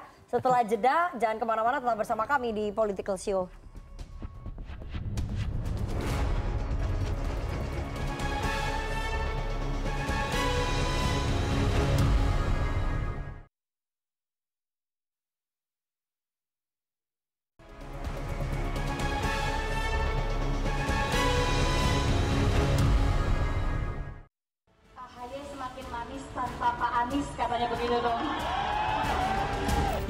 Tidak pernah mengganggu Demokrat, mengganggu saya dan keluarga. Saya juga begitu, tidak mengganggu PDI Perjuangan. Waktu menjadi presiden sampai sekarang, saya menghormati. Nah itu modal yang penting menurut saya. Eh, sudah cair, kita sudah saling berkomunikasi. Mbak Puan berkomunikasi dengan Mas AHY, bahkan pertemuan yang diadakan di Gelora Bung Karno itu mendapat respon sangat positif dari masyarakat Indonesia.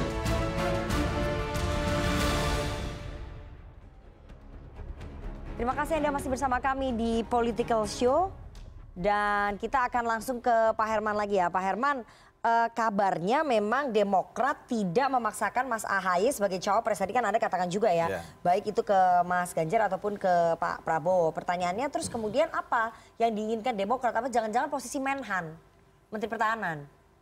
Saya kira eh, tujuan Demokrat tidak ke sana ya. Hmm. Tujuan Jadi kalau Demokrat ditawarin posisi akan Menhan nggak mau? Lebih mendalami dan mengkaji mana yang tentu akan lebih eh, memberikan kontribusi kepada rakyat. Oke. Kan Demokrat memiliki tagline perubahan dan perbaikan untuk Indonesia lebih baik. Bahkan kami sudah memiliki 14 program eh, perubahan dan perbaikan. Tentu je- dengan tidak melupakan ataupun tidak meninggalkan legacy yang baik yang itu harus dilanjutkan. Dan konteks inilah yang pada akhirnya juga menjadi parameter untuk memilih koalisi mana yang tentu bisa memberikan kontribusi nyata kepada rakyat. Jadi kalau ditawarin posisi Menhan oleh koalisinya Mas Ganjar, PDI Perjuangan ditolak. Gini, berpikir Masa tertarik? ya, begini, berpikir berpikir eh, ketua umum Hmm. lebih realistis dan rasional ya. Oke. Apa pun yang tentu itu menjadi tawaran dari calon koalisi. Ya terima kasih. Toh kami kan memang tidak bisa mendobrak pintu. Hmm. Kami kan ada di luar. Hmm. Kami ada dua pintu nih. Kami di luar masa mendobrak pintu dan kemudian nodong saya minta ini kan tidak bisa begitu. Sedangkan di dalam kamar kan sudah ada penghuni. Di dalam kamar sudah ada orang yang sedang berdiskusi Hmm, hmm. bagaimana untuk bisa menuju kemenangannya dan Oke. tentu sudah ada komitmen-komitmennya. Kami masih ada di luar gitu. Hmm. Nah oleh karenanya mana yang membuka pintu, kemudian silahkan Oke. masuk mau minum kopi atau minum teh, kan Ya, begitu. ya. Oke. Ketika kemudian dipersilakan masuk dan lain sebagainya, baru kita bisa bicara gitu. Hmm. Pintu mana yang tentu akan dibuka dan mempersilahkan untuk kita juga bisa sama-sama ikut berdiskusi di dalam itu. Baik, saya akan putarkan ya. Ini pernyataan dari Ketua Majelis Tinggi Partai Demokrat Pak Susilo Bambang Yudhoyono. Berikut ini kita dengarkan sama-sama. Kita juga tahu seorang menteri sekarang ini, menteri masih aktif dari Kabinet Kerja Pimpinan Presiden Jokowi, secara intensif melakukan lobby, termasuk kepada Partai Demokrat, dengan menawarkan mengajak membentuk koalisi yang baru. Koalisi Nas ulangi. Koalisi Demokrat PKS dan P3. Mas Awi, ini yang Ya. dimaksud oleh Pak SBY menteri aktif di Koalisi Indonesia Maju itu maksudnya Ketua Bapilu P3 Mas Sandiaga Uno. Apakah Bisa kemudian- didengarkan lebih jelas lagi beliau menyebut Kabinet Indonesia Kerja. Ini beliau lupa. Ya saya nggak tahu. yang ini. saya tangkap Kabinet Indonesia Kerja itu 2014. Tapi soal itu kesampingkan lah. Hmm. Oke. Soal kemudian ada apa lobby-lobby komunikasi politik itu hal yang biasa sebelum terdaftar di KPU gitu. Hmm. Namanya komunikasi politik itu sesuatu yang diperbolehkan toh. Oke. Jangankan kita yang masih lama, wong sehari aja bisa berubah gitu. Hmm, hmm. Tapi sekali lagi konteksnya untuk bisa bersama-sama mengajak ke koalisi yang besar. Oke, tapi Mas Awi, apakah kemudian manuvernya Sandiaga Uno mengajak Demokrat dan juga PKB eh, dan juga PKS untuk bergabung itu adalah eh, meli- karena melihat peluangnya Mas Sandiaga Uno ini sudah tertutup sebagai cawapresnya Mas Ganjar? Oh nggak ada, nggak ada hubungannya. Gitu. Hmm. Artinya- Membangun poros baru bukan? Ya itu sesuatu yang apa ya, sebagai sebuah ide-ide di luar keputusan resmi. Hmm. Keputusan resmi P3, Rapimnasnya dua kali. Pertama Rapimnas- Rapimnas 5 memutuskan Ganjar dan Oke. kita koalisi dengan PDI. Rapimnas 6-nya merekomendasikan Sandi sebagai bacawa presnya Pak Ganjar. Oke. Dan sampai sekarang itu tidak berubah hasil Rapimnas itu. Jadi kalaupun ada ide-ide di luar itu, di luar keputusan Rapimnas, ya kami menganggapnya itu ide-ide biasa saja. Hmm.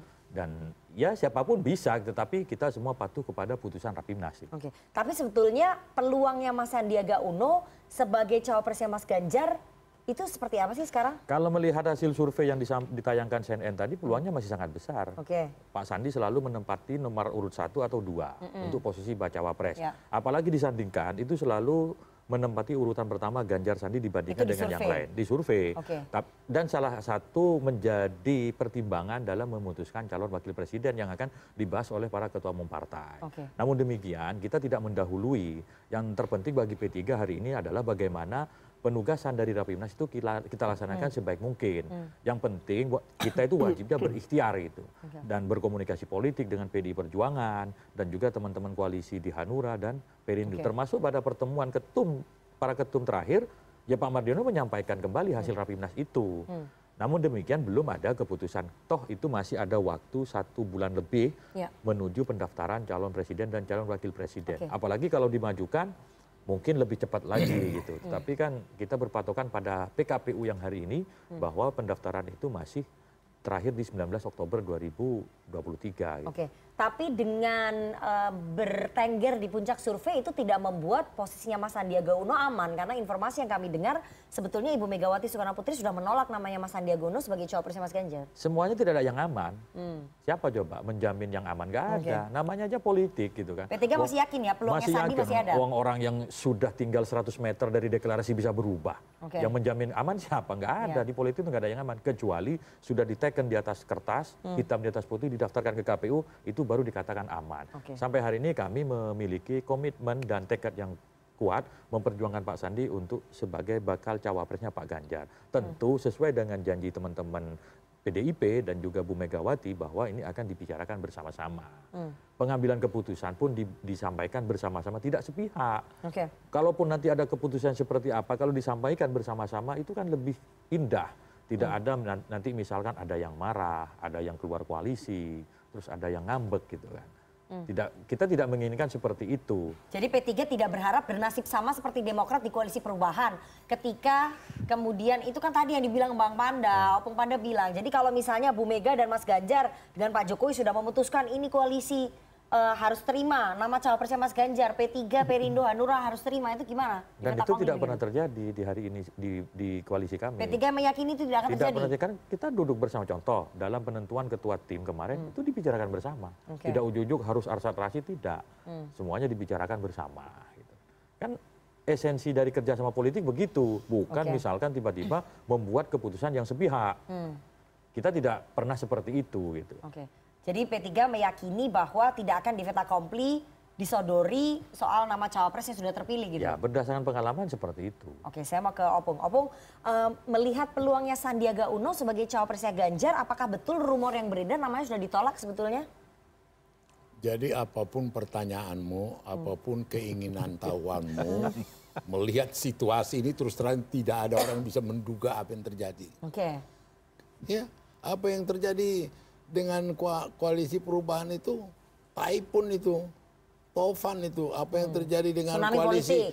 koalisi Indonesia Maju Hmm. dengan kepemimpinan Prabowo yang begitu apa? Kok bisa namanya Caimin kabur Hmm. lari gitu loh? Ini di luar dugaan, di luar buku apa Ya, ini? ya. Jadi udah makin susah jawab pertanyaanmu gitu loh. Tapi kalau Opung mengenal sosoknya Bu Mega selama bertahun-tahun yang biasanya eh, memilih sosok pasangan yang berlatar belakang religius, kemudian dari kalangan NU, mungkin nggak itu peluangnya Sandiaga Uno masih terbuka sebagai cawapresnya Saya nggak mau menyebut nama ini Hmm. dari pengalaman karena mekanisme dengan koalisi-koalisi pimpinan ketua umum partai-partai yang Hmm. bergabung itu kemudian disaring bagaimanapun Megawati, Jokowi Hmm. dan user pemakai Ganjar Ya. itu pengambilan keputusan puncak di atas. Oke, jadi Bu Mega, Pak Jokowi dan Mas Ganjar Iya. yang memutuskan. Iya. Jadi ketum-ketum partai Wah, lain dengan ketum-ketum tadi mereka Oke. bekerja berdasarkan referensi ketum-ketum dong. Hmm. Orang tim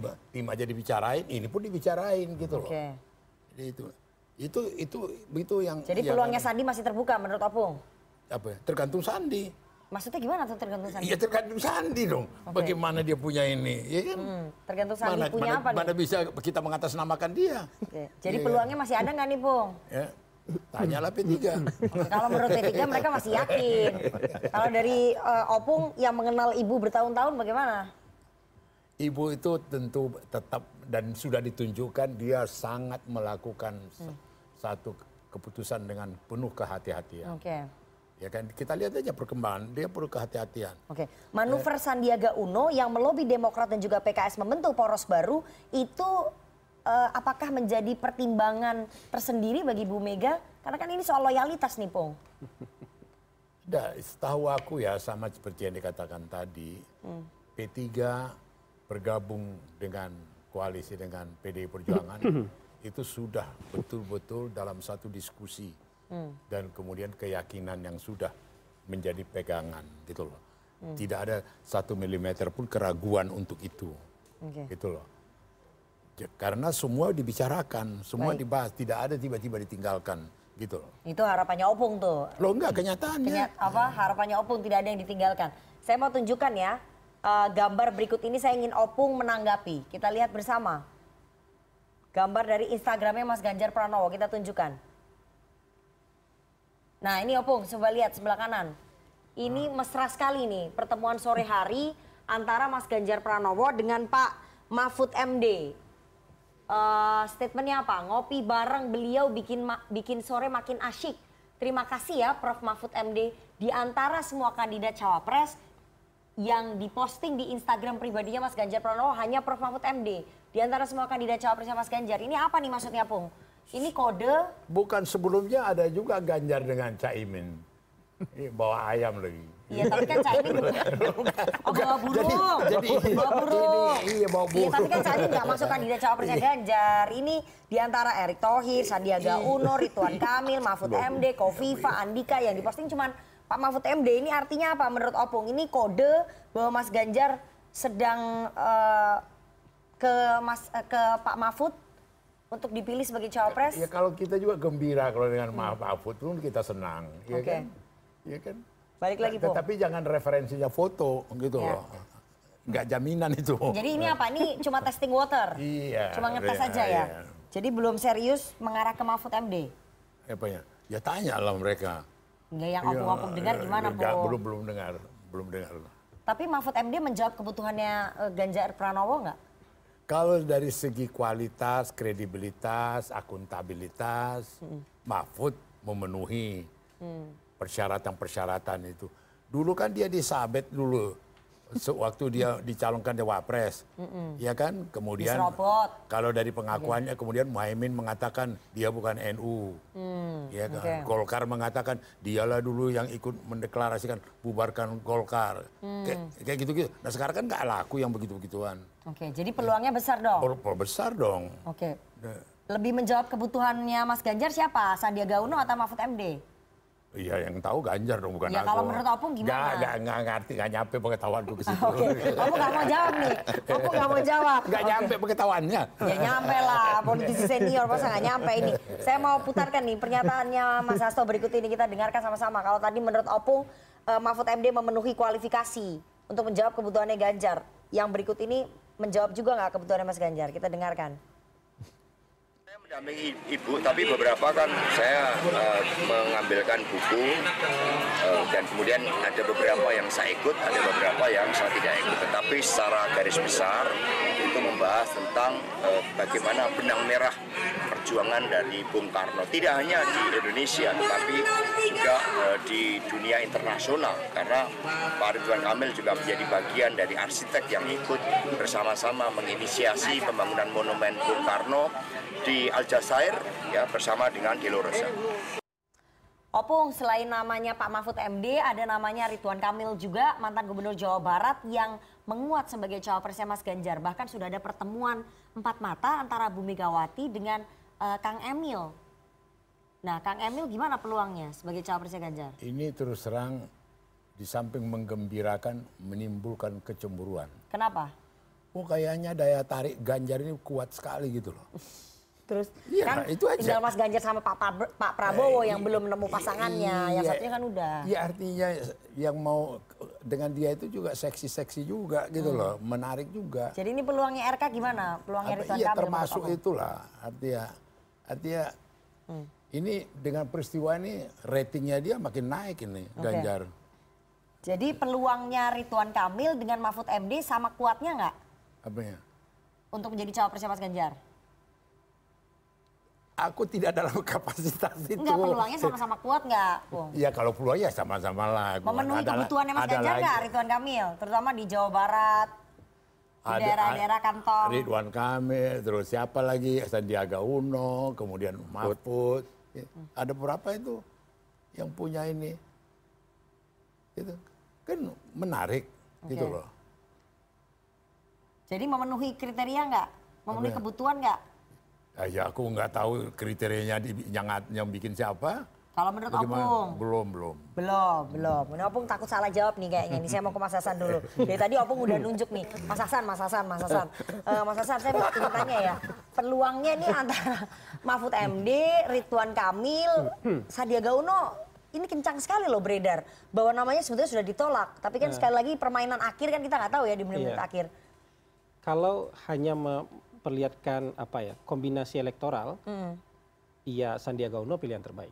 Oke. Karena begitu disimulasikan, Hmm. yang paling tinggi memberikan bukan paling tinggi, tapi yang paling bagus dalam simulasi itu adalah Sandi. Sandiaga Uno sebagai Oke. pasangannya Ganjar. Tapi kan mungkin apa ya? eh, saya tidak tahu kan Mas Sandi itu kan representasi dari P3. Mm-mm. Apakah hari ini misalnya dengan size partai yang agak jomplang, mohon maaf, Ya, itu porsi wakil akan diberikan ke P3 atau tidak? oke. Jadi buat saya itu juga pasti akan jadi Pertimbangan. jadi pertimbangan. Hmm. Apalagi kalau Demokrat bisa masuk, Hmm. apakah P3 masih tidak punya privilege itu untuk mendapatkan eh, wakil? Itu Hmm. kan menurut saya pertimbangan politiknya jadi jadi rumit. Nah kalau misalnya yang dijadikan pendekatan adalah wilayah, Hmm. mungkin secara survei dia bukan yang paling tinggi. Oke. Tapi pendekatannya adalah pendekatan wilayah. Hmm. Misalnya kalau misalnya orang ini punya basis yang agak bulat di daerah tertentu misalnya, Iya.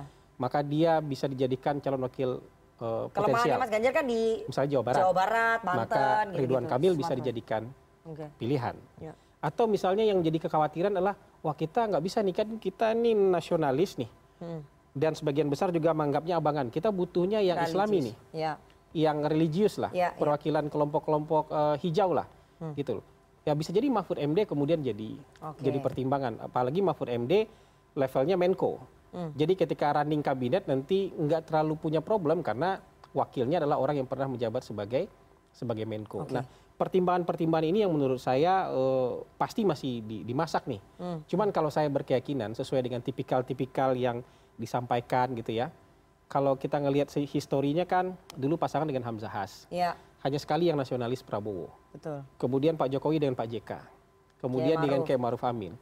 Secara statistik lebih besar peluang Mahfud. Mahfud MD. Iya, dan katanya udah mengarah ke situ ya. Tapi sekali lagi di ujung permainan lebih- ini Mas Awi lebih langsung ini sedih nih lebih besar kayaknya. peluang Mahfud MD Oke. gitu. Mungkin Pak Mahfud MD bisa di P3 kan. Itu bisa nggak itu peluangnya? Enggak, jadi begini, P3 itu biasa konsisten terhadap keputusan. Oke. Kalau tadi di, sebenarnya sudah dijawab sendiri oleh Hmm. Hasan gitu kan. Ya. Keraguan-keraguannya dijawab sendiri. Misalkan bagaimana Pak Ganjar membutuhkan sisi yang hijau. Hmm. Ya hijaunya di P3. Kalau ka- tadi soal elektoral masalah kursi, Ya. memang nggak memang nggak imbang kalau dari sisi jumlah, tapi Ya. nilai gitu loh. Hmm. Ibarat botol ini ketemu tutupnya, tutup botol yang kecil tapi penting gitu. loh. Iya, iya, iya. Kan mana ada tutup botol nggak penting itu. Kecil tapi kalau hilang botol bisa tumpah itu barang Iya, gitu iya, kan. iya, iya, iya. Bisa diikat pakai plastik Oke, ke mana? gitu. Pakai Masih nyari bisa. plastiknya masih susah. Iya, iya. Nyari plastiknya Kan masih susah. Demokrat nih jadi Yang- plastik, bisa. Itu ketemu nasionalis-nasionalis Oke. gitu. Maka kemudian kita berbicara sekarang tadi eh, P3 termasuk partai yang paling awal. Kalau dalam sejarah Islam itu namanya asobikunal awal. Hmm. Sahabat yang pertama kali mendampingi gitu. Oke. Itu ka- kita lihat kalkulasi kesejarahan PDI dengan P3 itu panjang. Hmm. Tidak hanya Mega Hamzah, sebelumnya di Orde Baru ada Mega Bintang. Oke. Dan Pak Ganjar sendiri di Jawa Tengah itu dilengkapi oleh kader Yassin. P3. Kalau enggak waktu itu agak goyang juga Jadi poinnya- situasi di 2018 itu di Pilkada Jawa Tengah. Gitu. Poinnya kesejarahan kerjasama politik antara PDI dan P3 itu saling melengkapi. Hmm. Dan ini kenapa kemudian ini selalu bersama? Karena memang warnanya jelas beda. Jadi gitu. harapannya Coba tetap ini saya dengan Sandi ya. sa- saya dengan Bang anu, Opung ini kan anu, merah sama hijau kan Iya. jelas perbedaannya gitu. Harapannya kan. tetap Bang Sandi. Ya keputusan P3 begitu. gitu. Tapi kalau tadi mengarah ke Pak Mahfud, P3?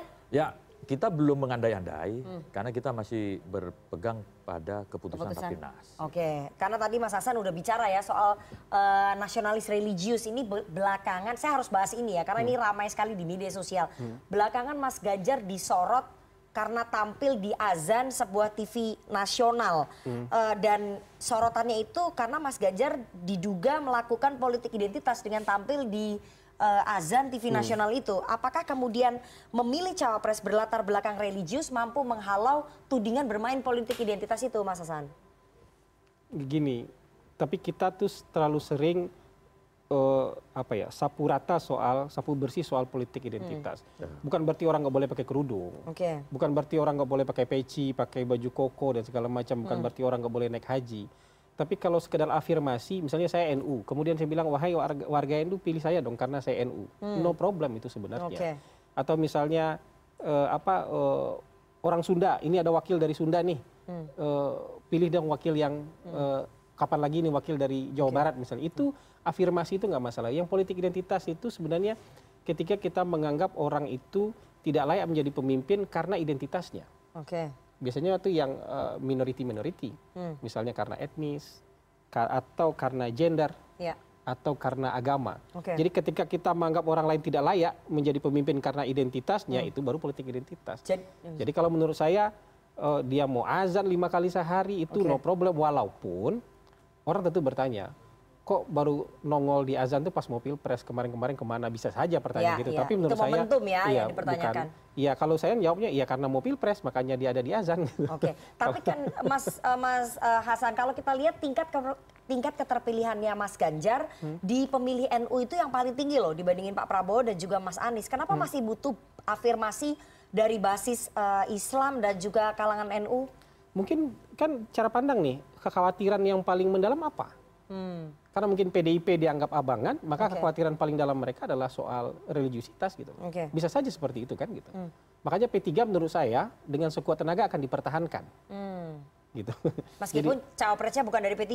Iya mungkin saja bukan Akan dari ada P3 tapi gula-gula lain yang P3-nya ditawarkan, akan gitu. dipertahankan gitu loh. Oke. Karena butuh itu simbol itu gitu. Butuh Oke. simbol. Gulanya masih belum digiling, jadi belum bisa ditawarkan. Ya, eh, Mas Awi, tapi kenapa kemudian sepenting itu bagi Mas Ganjar untuk mendapatkan afirmasi dari basis Islam dan juga pemilih NU kan sudah ada P3 di situ. Angkanya juga tinggi kok di pemilih NU.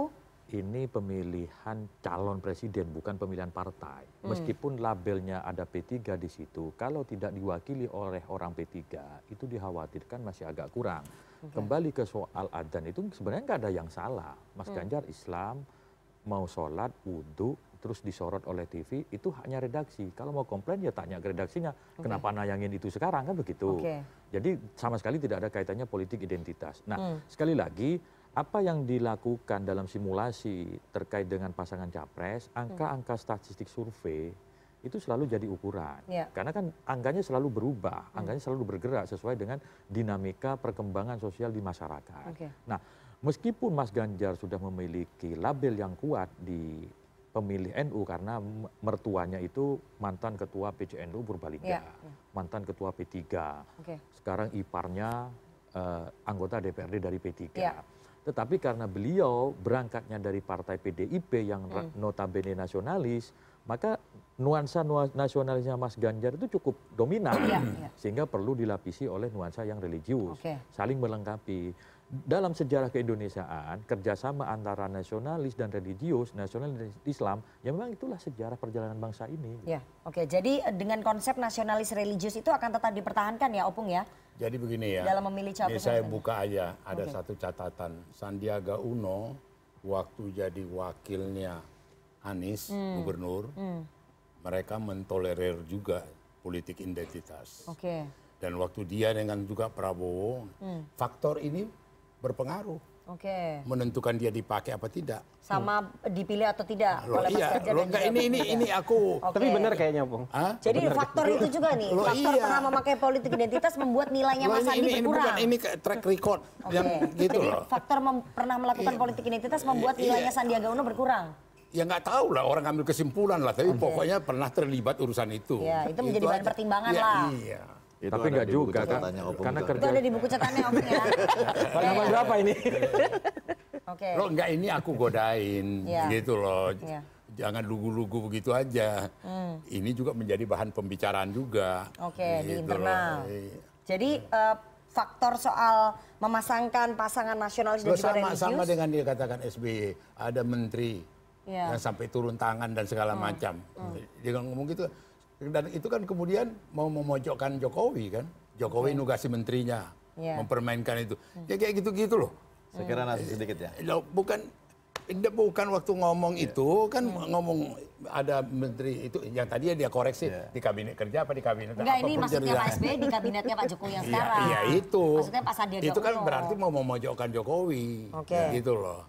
Tapi sekarang udah menjadi tidak masalah itu karena sekarang udah lagi berbaikan dengan Demokrat. Hmm, jadi memang ada tawaran ya dari uh, utusannya Mas Sandiaga Uno untuk membangun poros baru Demokrat, PKS dan juga P3. Jadi begini, Diakui nggak? setiap pernyataannya Pak SBY itu pasti terkon, ter, terkonfirmasi. ya. Hmm. Pasti berdasarkan informasi-informasi yang valid. Hmm. Dan tentu ini di cross check gitu ya. Oke. Dan memang bukan hanya informasi dari satu dua orang. Ya. Sehingga tadi saya khawatir bahwa ini menjadi hoax dan lain sebagainya. Ini adalah eh, fakta yang tentu diungkapkan ke publik bahwa memang masih tidak menutup kemungkinan ada yang berkeinginan untuk membentuk poros baru. Iya, berarti ada tawaran nggak itu? Oh iya. Dari Pak Sandiaga Uno? Tidak Maksudnya mungkin, menterinya itu Pak Sandiaga Uno bukan? kalau Pak SBY menyampaikan itu ke publik. Iya, menterinya maksudnya Pak Sandiaga Ini Uno nggak? terkonfirmasi dan tentu sudah disebutkan dan sangat jelas gitu. Oke. Memang Berarti tidak benar ya, Bang langsung, Herman ya? tidak langsung, tidak langsung menyampaikan seorang menteri itu. Hmm. Tetapi timnya ini sangat sangat Intens. agresif. Oke. Kemudian untuk mengajak dan bahkan bisa menarik partai lainnya. Ya ini PD menarik PKS gitu maksudnya bergabung Ya, dengan Demokrat. Ya dan juga begitulah P3. gitu ya. Dan oleh karenanya menurut saya ya tadi apa yang disampaikan oleh Ustadz Awi tentu kemungkinan-kemungkinan itu masih ada gitu. Hmm. Baik, Tetapi lagi-lagi bagi Demokrat pilihan yang Ya, sudah pasti adalah dua pintu Oke, ini. Gitu oke. Kita nanti tunggu kebesaran nantinya Pak SBY seperti apa. Bergabung ke eh, Ganjar atau ke Prabowo. Nanti setelah ini kita akan tanya teman-teman mahasiswa tanggapannya seperti apa ya soal koalisinya Ganjar dan juga perburuan cawapres. Tapi kita harus jeda terlebih dahulu. Jangan ke mana-mana, tetap bersama kami di Political Show.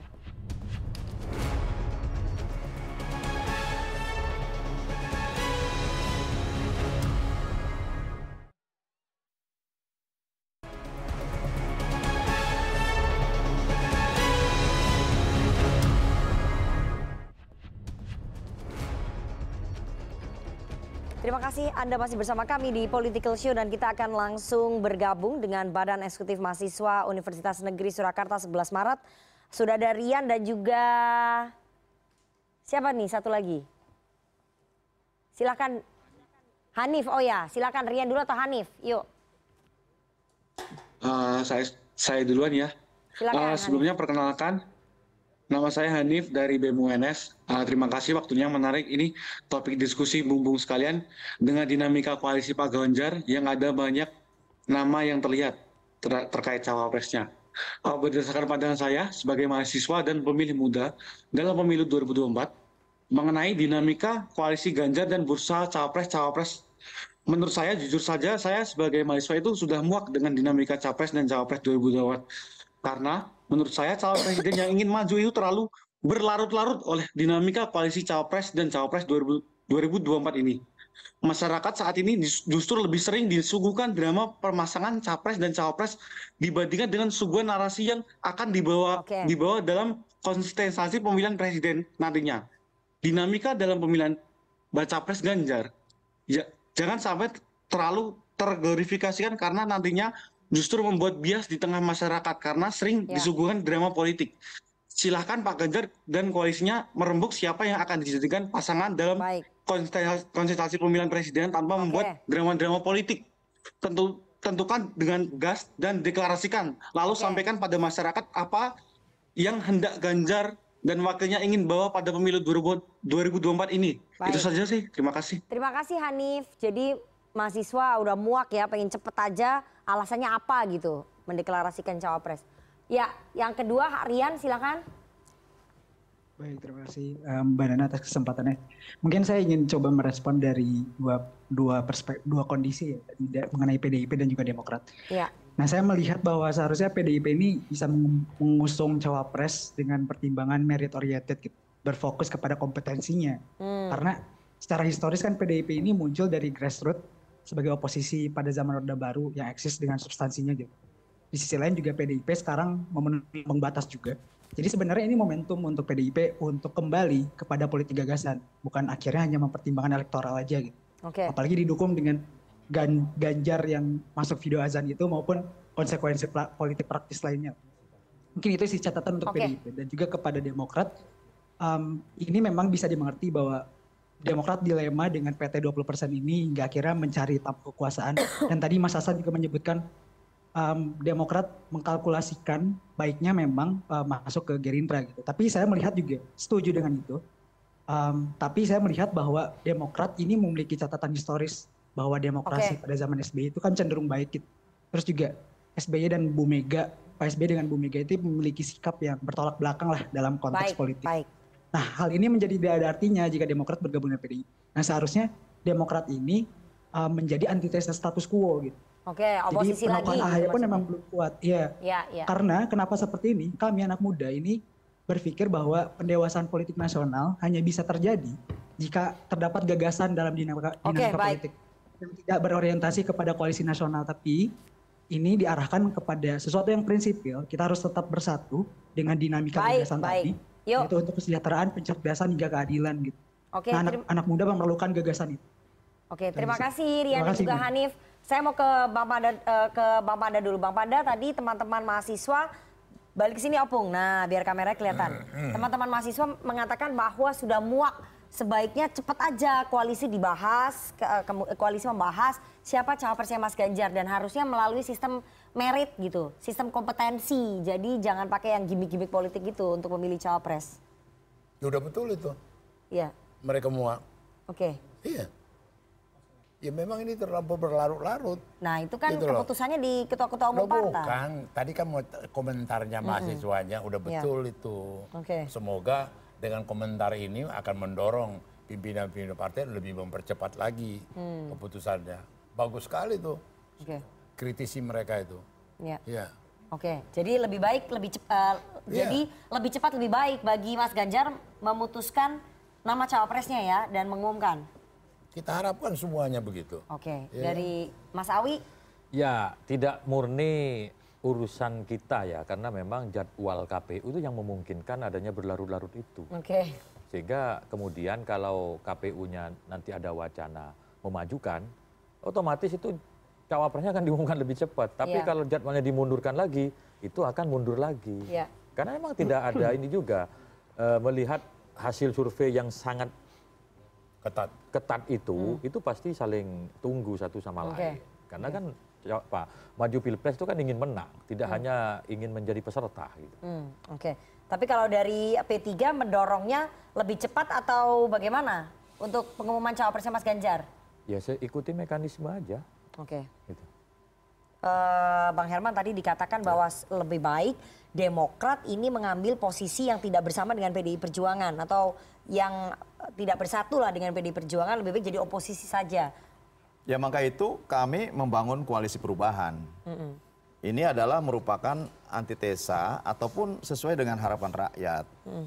Nah oleh karenanya ini terus digagas sejak lama dan kami meminta untuk melakukan deklarasi lebih cepat atas ketiga partai ini tentu juga dasarnya adalah permintaan Ini rakyat. kan udah udah move on nih. Oke, gitu nah, ya. ini kan lagi Kita bicara rencana Demokrat merapat ke PDI ya Perjuangan. kendalanya memang di presidensial threshold. Hmm. Andai kata tidak itu ya Demokrat mungkin maju sendiri. Gitu Tapi ya. tadi suara mahasiswa bahwa lebih baik Demokrat nggak usah bersatu dengan PDI Perjuangan supaya ada pembeda, supaya suaranya juga beda, apa yang Ya, diperjuangkan juga beda. Ini bagian dari masukan rakyat saya kira. Dan tentu ini juga eh, menjadi apa namanya pertimbangan-pertimbangan. Tetapi pada akhirnya sekali lagi bahwa Hmm.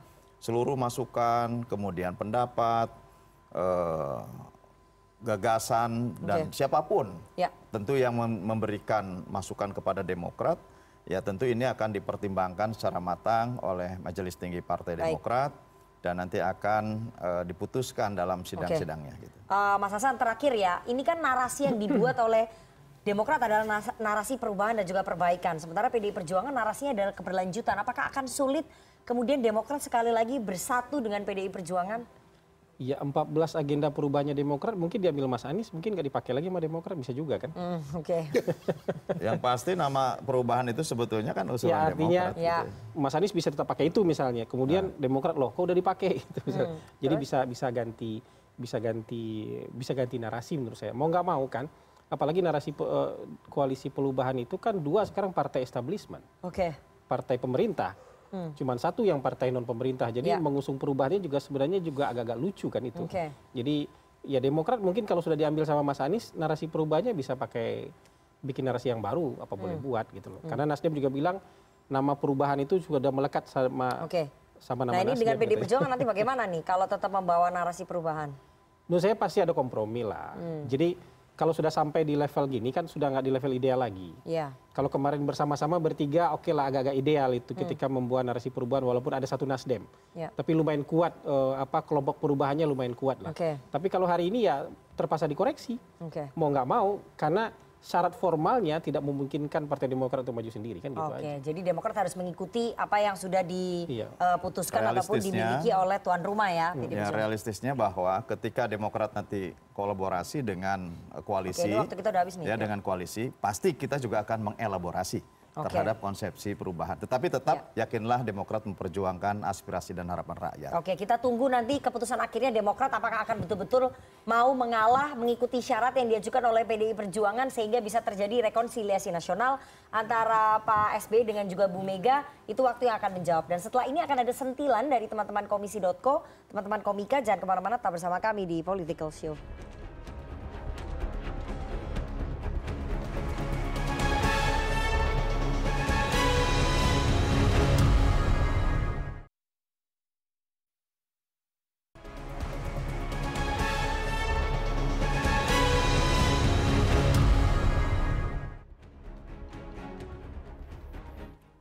Assalamualaikum warahmatullahi wabarakatuh. Waalaikumsalam warahmatullahi wabarakatuh. Tepuk tangan untuk diskusi pada malam hari ini. Tepuk tangan dulu Opung. Seru sekali diskusi pada malam hari ini, tapi Do, untuk diskusi malam hari ini gue seneng banget karena kita kedatangan politisinya politisi Opung Nababan. Ih, Opung Panda. Opung Panda Nababan ini adalah politisinya politisi. Maksudnya? Bahkan sebelum ada kata politisi, Opung Panda Nababan sudah menjadi politisi. Iya. Dan Opung Panda ini adalah orang yang di setiap forum politik kehadirannya selalu ditunggu.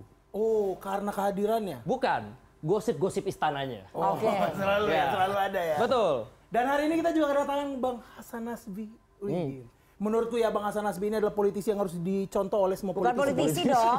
Oh, pengamat politik ya? Iya, Pengamat politik. gimana nih kurang riset nih? Riset nih. Tapi enggak pengamat politik yang harus dicontoh oleh seluruh politisi di Indonesia. Kenapa? Gitu. Kenapa? Karena Bang Hasan Nasbi ini adalah orang paling tepat janji. Hmm. Kemarin dibayarnya ternyata taruhan Alphard itu ya Bang ya? Iya, iya. Lawan ya. Itu bayarnya cash ya Bang ya? Alpartnya dikasih, Oh, Alphardnya dikasih bayarnya cash ya, Bang? bayarnya cash dong. Oke, soalnya kalau cicil kan agak eh, khawatir juga jangan-jangan abang ngasih. DP angsurannya dilanjutin sama Bang Suni kan kita nggak tahu. Jangan pusing juga itu kan. Nah, kita juga kedatangan Bapak Ahmad Baidowi dari P3. Netizen bilang P3 itu adalah partai semangka. Kenapa? Iya, di luarnya hijau, di dalamnya merah. merah. Iya kan, karena koalisi PDI. Oh. Iya. Tapi kita juga kedatangan Bang Herman langsung ada orang dari PDI. Hmm? Ih, Bang Her, ada Bang Herman, ada juga eh, kok PDI sih dari Demokrat, ada juga Bang eh, Opung Panda juga. Mohon maaf Mbak Nana mau nanya, ini political show apa sidang lamaran ini? Bukan ya, bukan bukan Sidang lamaran apa? Sidang lamaran mungkin dari Demokrat ke Nah, Ah, itu. nggak tahu Semoga. ya. Kita nggak tahu lah ya. Ya, karena sekarang di tema kali ini sebenarnya kita mencari siapa yang cocok untuk menjadi cawapres ya Pak Ganjar kan. Karena ada banyak nama-nama tuh. Bahkan tadi saya nonton itu katanya Mbak Rifana bilang kalau Pak Mahfud MD itu cocok menjadi cawapresnya Pak Ganjar. Karena kan Pak Ganjar ngepost fotonya Pak Mahfud MD. Iya, ada di Instagram ya tadi ya. Iya, tapi menurut saya belum tentu itu karena Pak Mahfud MD nggak ngepost balik fotonya Pak Ganjar. Iya, iya, iya, iya. Iya kan, Iya, iya, itu iya, berarti biasanya suka ada eh, PHP. hati-hati cawapres lain yang dipertahankan. Biasanya kita Ya. nggak tahu, kita nggak tahu. Dan tapi tapi kalau kita ngomongin masalah eh, ini ap- katanya Demokrat move on. Hmm. Ini biasanya nih, mohon maaf nih abang-abang Demokrat biasanya kalau abis move on ini biasanya banyak banget ini DM DM yang masuk. Iya. Tuh? Kalau misalnya kita anak muda nih, cewek barusan move on, wah tuh DM DM banyak tuh yang deket-deketin. Kita curiga jangan-jangan Demokrat juga begitu. Banyak partai-partai mulai DM Instagramnya Demokrat kita nggak Hmm. tahu. Ya kan siapa tahu eh, dari PDI nge-DM Hmm? adik yang kuat katanya. Kalau Oke. ada apa-apa ngomong aja sama abang. Kita Ya. nggak tahu. Nggak tahu. Nggak tahu. Hmm. Mungkin juga dari Gerindra langsung nge-DM juga Partai Demokrat. Ya. DM, kamu santai aja. Hmm. Kamu itu eh, memang sebenarnya kuat kok. Ya. Percaya saja sama diri kamu sendiri, ada abang di sisi kamu. Kita Oke. nggak tahu. Atau mungkin PSI juga udah nge-DM langsung ke Demokrat. Ya. Silaturahmi nggak boleh putus. Boleh pinjam 100. Kita nggak tahu. Kita nggak tahu. Kita aja nama saya Aldo. Nama saya Duto, terima kasih. Oke, oke. Hari ini sentilan-sentilannya kurang keras nih. Harusnya minggu depan lebih keras lagi. Oke, terima kasih teman-teman Komisi.co. Ada Aldo dan juga Duto. Uh, penampilan dari teman-teman Komisi.co sekaligus menutup dialog kita pada malam hari ini. Terima kasih juga kepada seluruh narasumber yang sudah hadir dan juga mahasiswa dari BEM Universitas Surakarta 11 Maret dan jangan lupa tonton terus Political Show setiap hari Senin jam 20.30 waktu Indonesia Barat. Saya Rifana Pratiwi pamit, saat malam, sampai jumpa.